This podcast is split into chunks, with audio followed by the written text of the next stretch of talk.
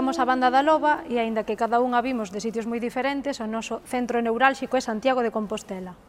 Vimos presentar o noso segundo CD, que se chama Fábrica de Luz, aínda que tamén tocaremos algúns temas do noso primeiro disco, que se chamaba Bailando as Rúas, Eh, basicamente, este Fábrica de Luz é unha declaración de intencións do que somos como banda e tamén un paraugas onde se recolle eh, unha serie de temas coa idea central eh, de nai entendida nun sentido amplo, partindo desas primeiras nais que para nós son a terra, a lingua, a nosa cultura, todo o que a nós nos dá identidade, as segundas nais que son as nosas nais en sentido literal, as que nos coidan, as que nos educan, as que nos protexen desde que somos nenas, eh, despois esas terceiras nais que é un abano moi amplo porque aí metemos a todas as creadoras, eh, músicas, artistas de todas as índoles que nos abriron o camiño para que hoxe nós poidamos facer o que, o que nos peta, basicamente que é o que fai a banda da loba, e, e tamén, por suposto, sen esquecernos de algo tan importante como é a memoria e de todas esas persoas e todas esas mulleres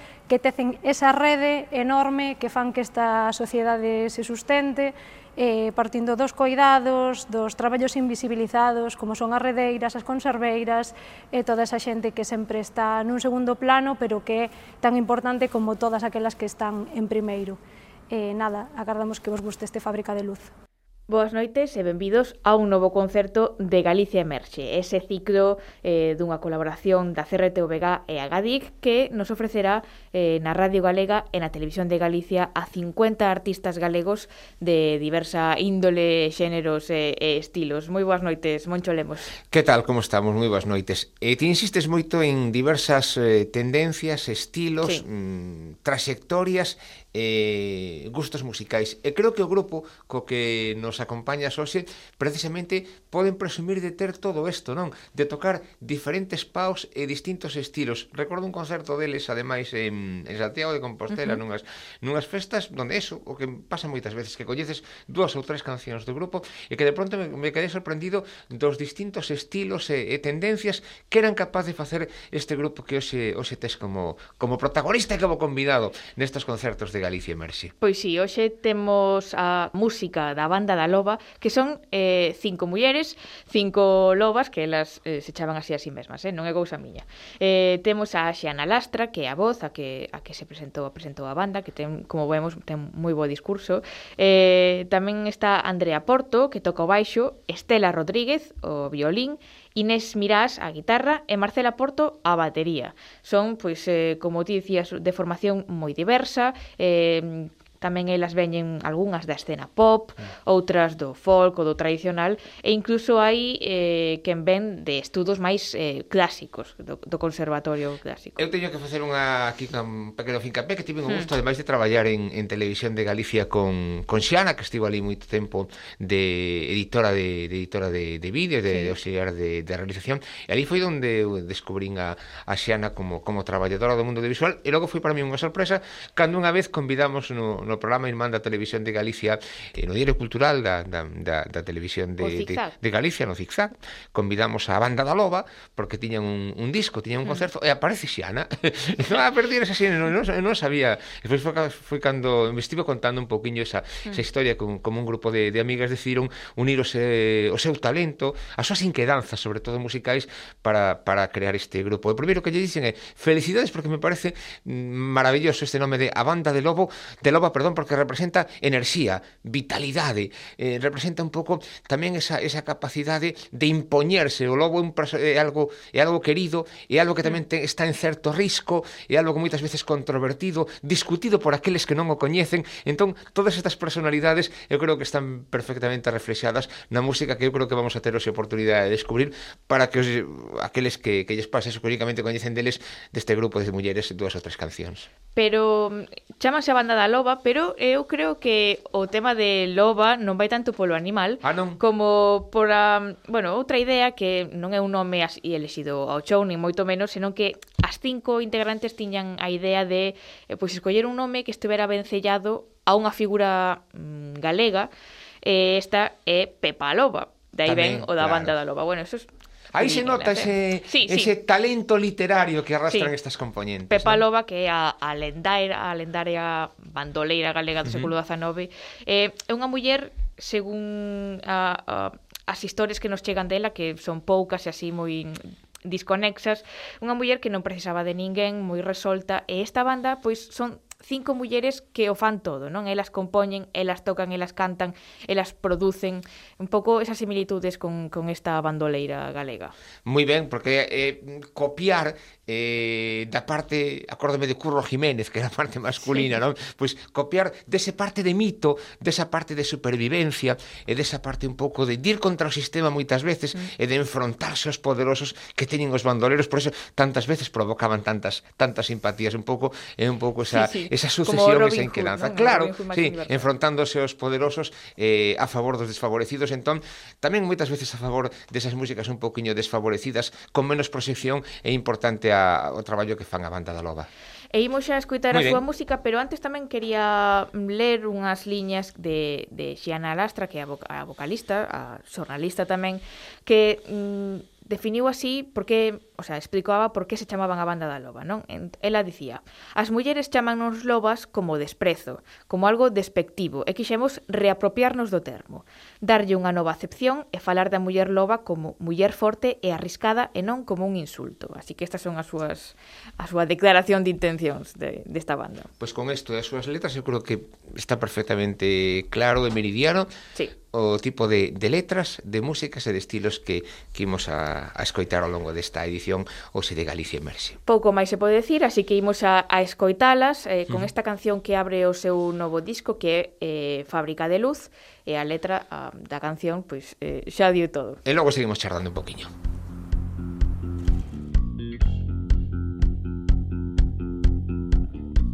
A maquinaria ponse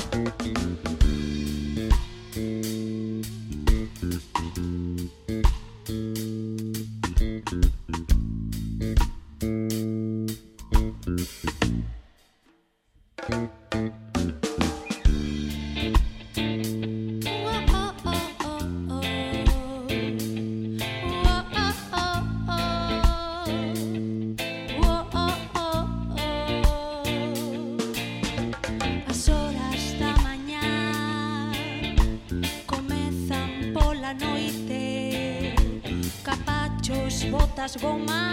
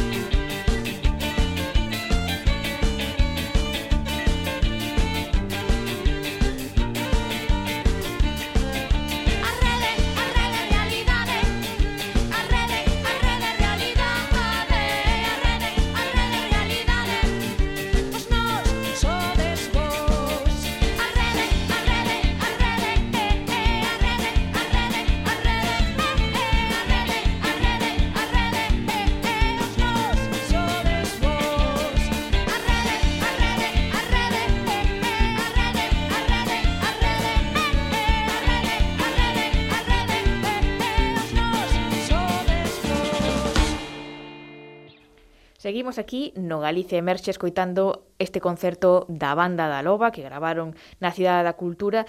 Escoitamos xa tres cancións e eu creo que podemos dicir que en cada unha destas cancións escoitamos a unha banda da Loba diferente, sí. totalmente diferente. E vou contar un secreto, dúas das cancións esta Fábrica de Luz e a Rede uh -huh. son dúas das cancións que así no, no argote técnico eh, utilizamos como, como disco vermello, un disco de longa rotación na selección musical de, de Radio Galega Música e son das cancións máis apreciadas pola nosa audiencia cando comenzamos hai meses a poñelas, que sempre nos preguntaba quen era este grupo sí, sí. e de onde viñan estas estas cancións, tanto a rede como como Fábrica de Luz, precisamente polo que ti dis, porque chamaba moitísimo a atención primeiro as voces femeninas e logo isto que ti acabas de comentar, capaces de facer unha canción pop, esta última que ten, non sei se esa referencia ao mellor o reggae, o sí. ska, esa, unha música moi moi bailable sin eh, desvirtuar as letras e eh, apostando por ese por esa herdencia natural, eh, esa herdanza natural que, que ten a, a, a a poesía e a lírica galega, non? Totalmente. E eu vouche, xa que me ti comentaches este secreto de, da Radio Galega Música,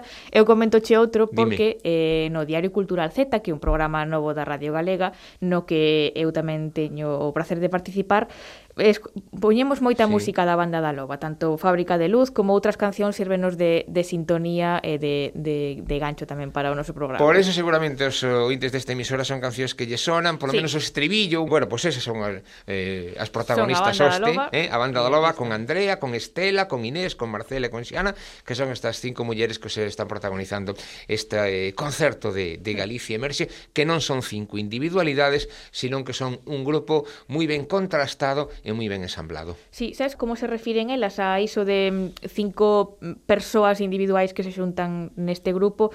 Elas din que son como un caleidoscopio. Ajá. Porque individualmente poden vir de, de xéneros diferentes ou de, de estudos diferentes, pero na banda da loba eses diferentes xéneros cadran moi ben, non? E casan moi ben. Aí mesturan, eh, maridan, como din agora os como din agora os eh, de alta gastronomía, maridan sí, moi ben esos exacto. esos cinco ingredientes.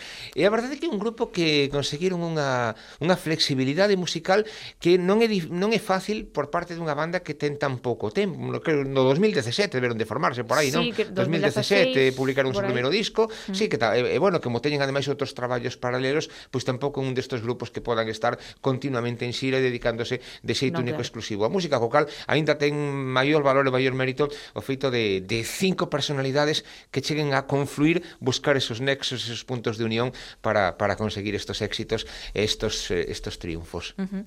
E se falamos de, de inspiración, de que as inspira, pois pues, nos seus dous discos, que xa teñen dous discos publicados, Bailando as Rúas e Fábrica de Luz, podemos atopar tanto temas propios, cancións eh, escritas por elas, como inspirados tamén en textos de, autores galegos. Pois temos a Manuel María, a Rosalía de Castro, a Celso Emilio Ferreiro, pero tamén eh, poetas contemporáneas como, por exemplo, Rosalía Fernández Rial ou Celia Parra. Así que eh, temos mm, un amplo abano de, de referentes aquí na banda da Sí, Nova. que non se quedan únicamente tirando dos clásicos, sino tamén apostan por as eh, novas linguaxes e as novas letras da, da, da última poesía galega. Estaba recordando ademais unha, unha data que me comentaras ti que Bailando a Rúas foi unha canción que recibiu un premio, o premio Ritmar 2018 a mellor Ritmar, canción sí. en, en lengua en lingua en lingua galega. Uh -huh. Por lo tanto, xa era unha canción, sí, é importante para un grupo en en, en non só en no pop, en xeral, pero sempre en linguas minoritarias como o caso de eh, euskadi, catalán ou galego, que hai unha que un grupo teña unha canción emblema, non?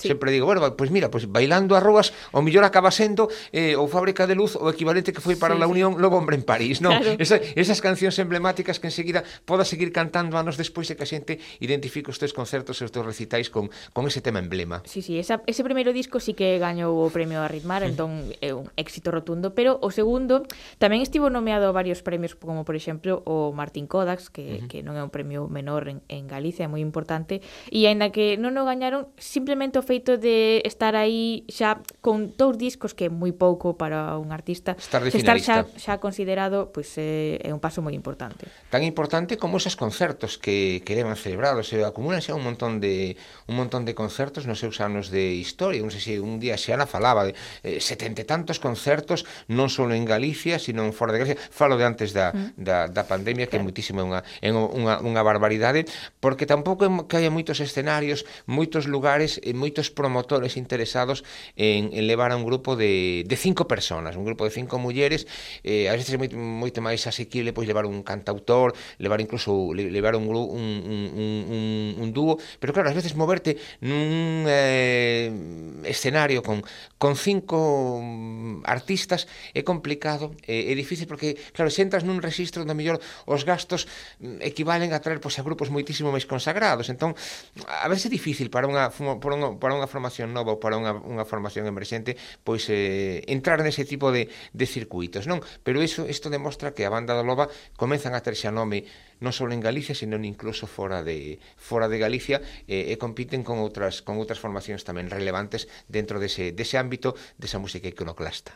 Pois sí, eh imos a seguir as escoitando. Eh temos aínda por diante moitas cancións, pero seguimos, por exemplo, con tres segundos, que é un, un poema de Celia Parra, que comentábamos antes, e tamén seguimos con Anagnorise, que é unha obra de María Victoria Moreno, para que nos situemos un pouco en cales son os seus referentes e cal é a música que lle gusta facer.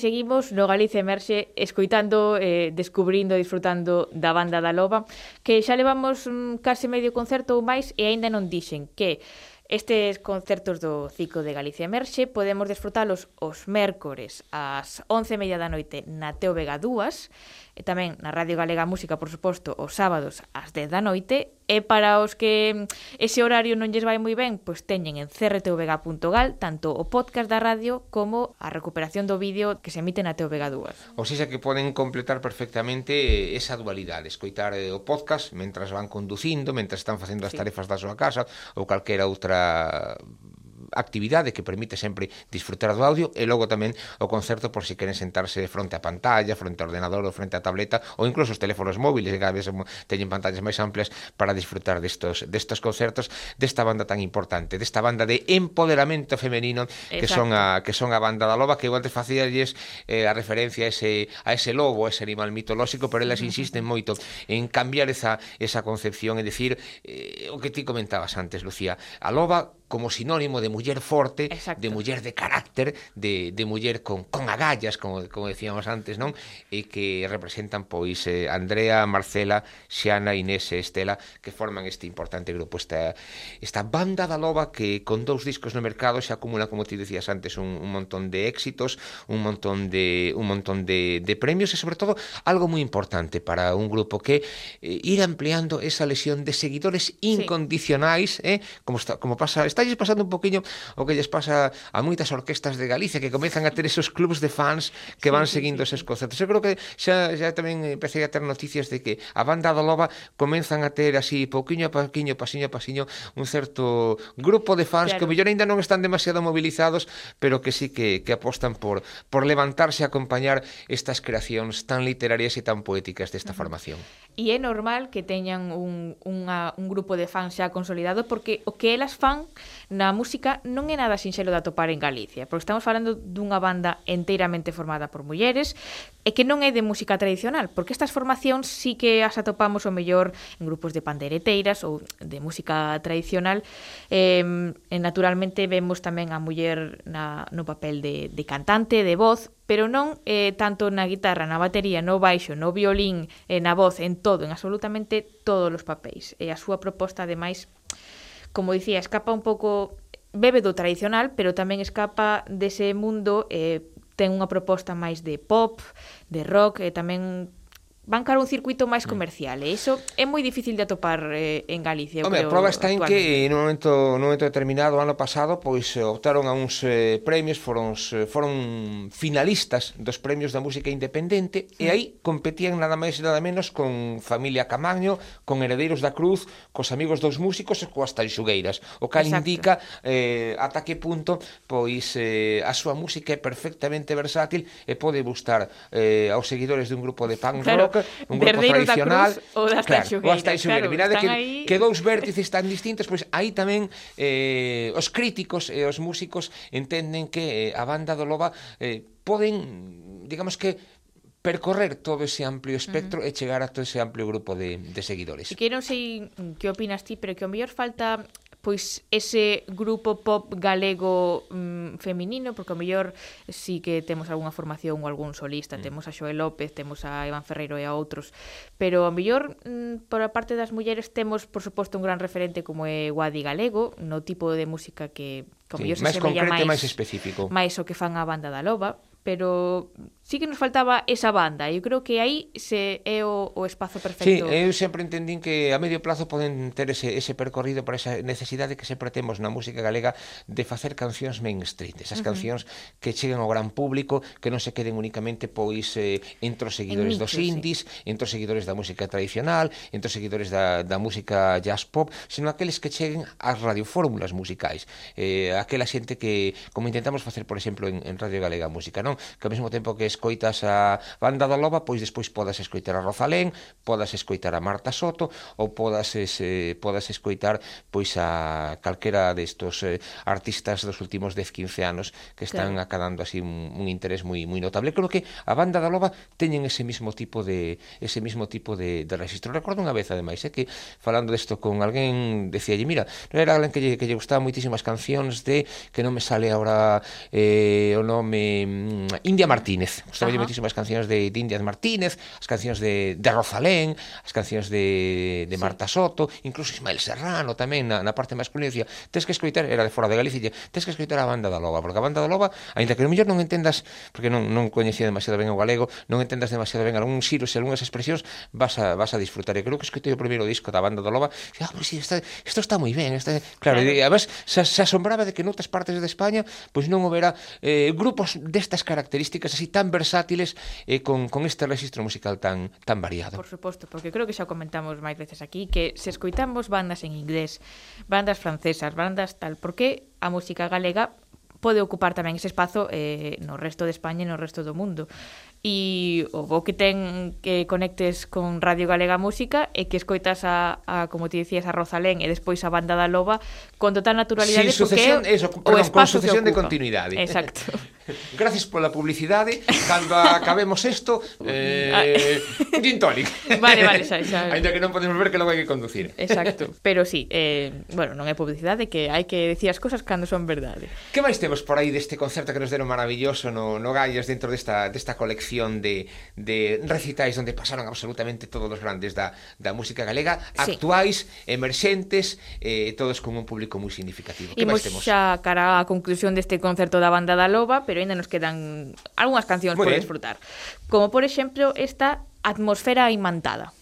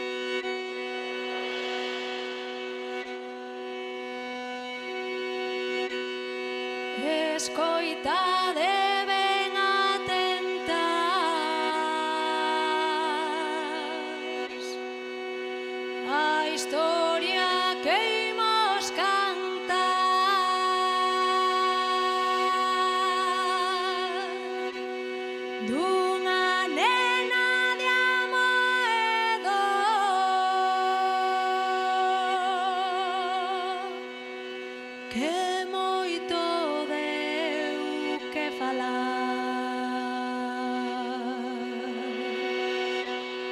Seu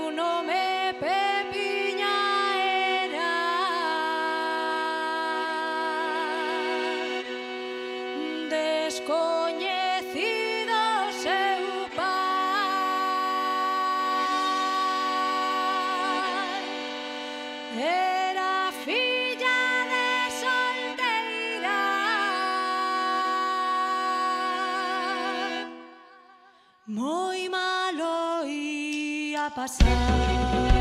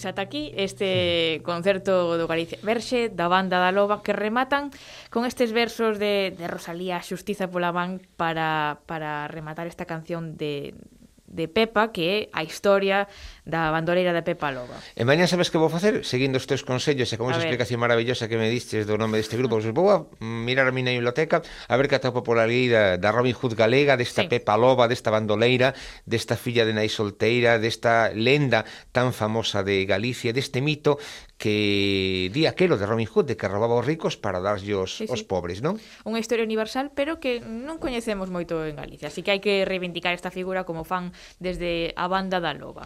Con que nos vas a poñer a contraportada musical? Que, que, sí. sorpresa metes? Que sempre metes así algunha, algunha sorpresa para claro. quemarse contento e para como, hasta, hasta o seguinte programa. Como ainda nos quedan uns minutos e eh, eh, vimos de escoitar a banda da Loba, pois pues sí. eu quería seguir con un artista que xa é un artista universal, que sirve de inspiración para todas estas novas xeracións de A ver, a ver mulleres, se acerto, eh? A ver, mulleres músicas home ou muller? galegas. É, é unha muller, muller sí, sí, sí. Mm, de inspiración para que? Para esta xente así de 20 Esta, tantos, sí, 30 tantos anos. novas xeracións de músicas galegas que, que reivindican a, a música feita en Galicia, en galego e tamén por mulleres. O sea, unha muller que fai algo de folk, algo de pop e algo de jazz. Mm, Vou polo bo camiño. Sí, seguramente. Vas ah, creo que que estivo moi de moda con a canción que me escoitates por a mí, a min por aí decir que me gustaba moitísimo, a canción que falaba das mulleres, e que outro día estive con Paco Lodeiro e me decía, a miña, a miña sogra, que, bueno, que, que morreu ano pasado, pasado, uh -huh. poñerse os, os pelos de punta cada vez que escoitaba esta canción. Sí, sí. Falaba de matriarcas. Guadi Galego. Ah, a moitos se nos ah, poñen vale, os vale, pelos vale. de punta escoitando a voz de Guadi Galego, sobre todo nesta canción. Pois pues é verdad, é verdad que posiblemente eh,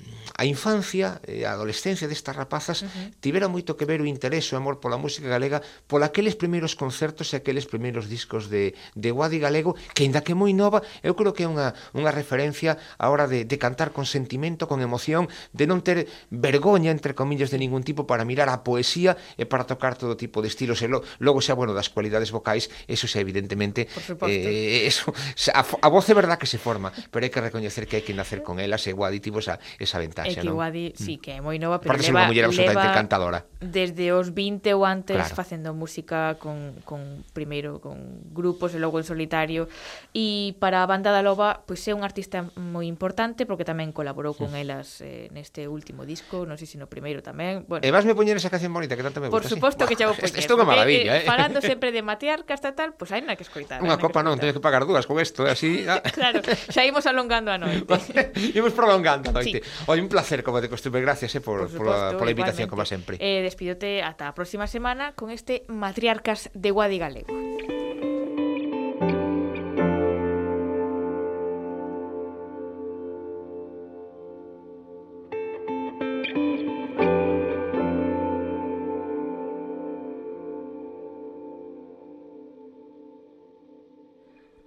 comezan as historias con homes encumados. Rematan sempre todas con mulleres que os salvaron Da morte do intelecto, de insectos que os picaron De turbias lendas bellas que non queren nen lembrar.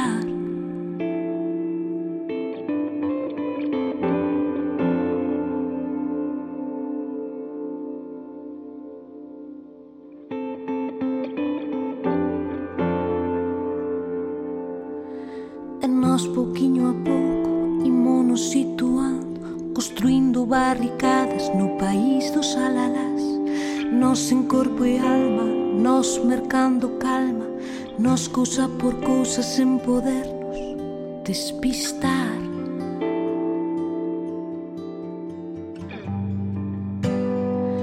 Nos alitadoras Nos conquistadoras brillantes activistas da vida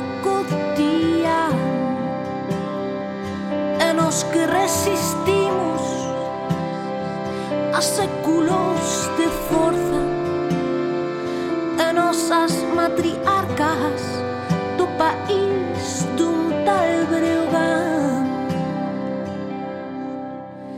Comenzan as historias con homes encumados rematan sempre todas con mulleres que os salvaron. Da morte do intelecto de insectos que os picaron das vellas que non queren lembrar.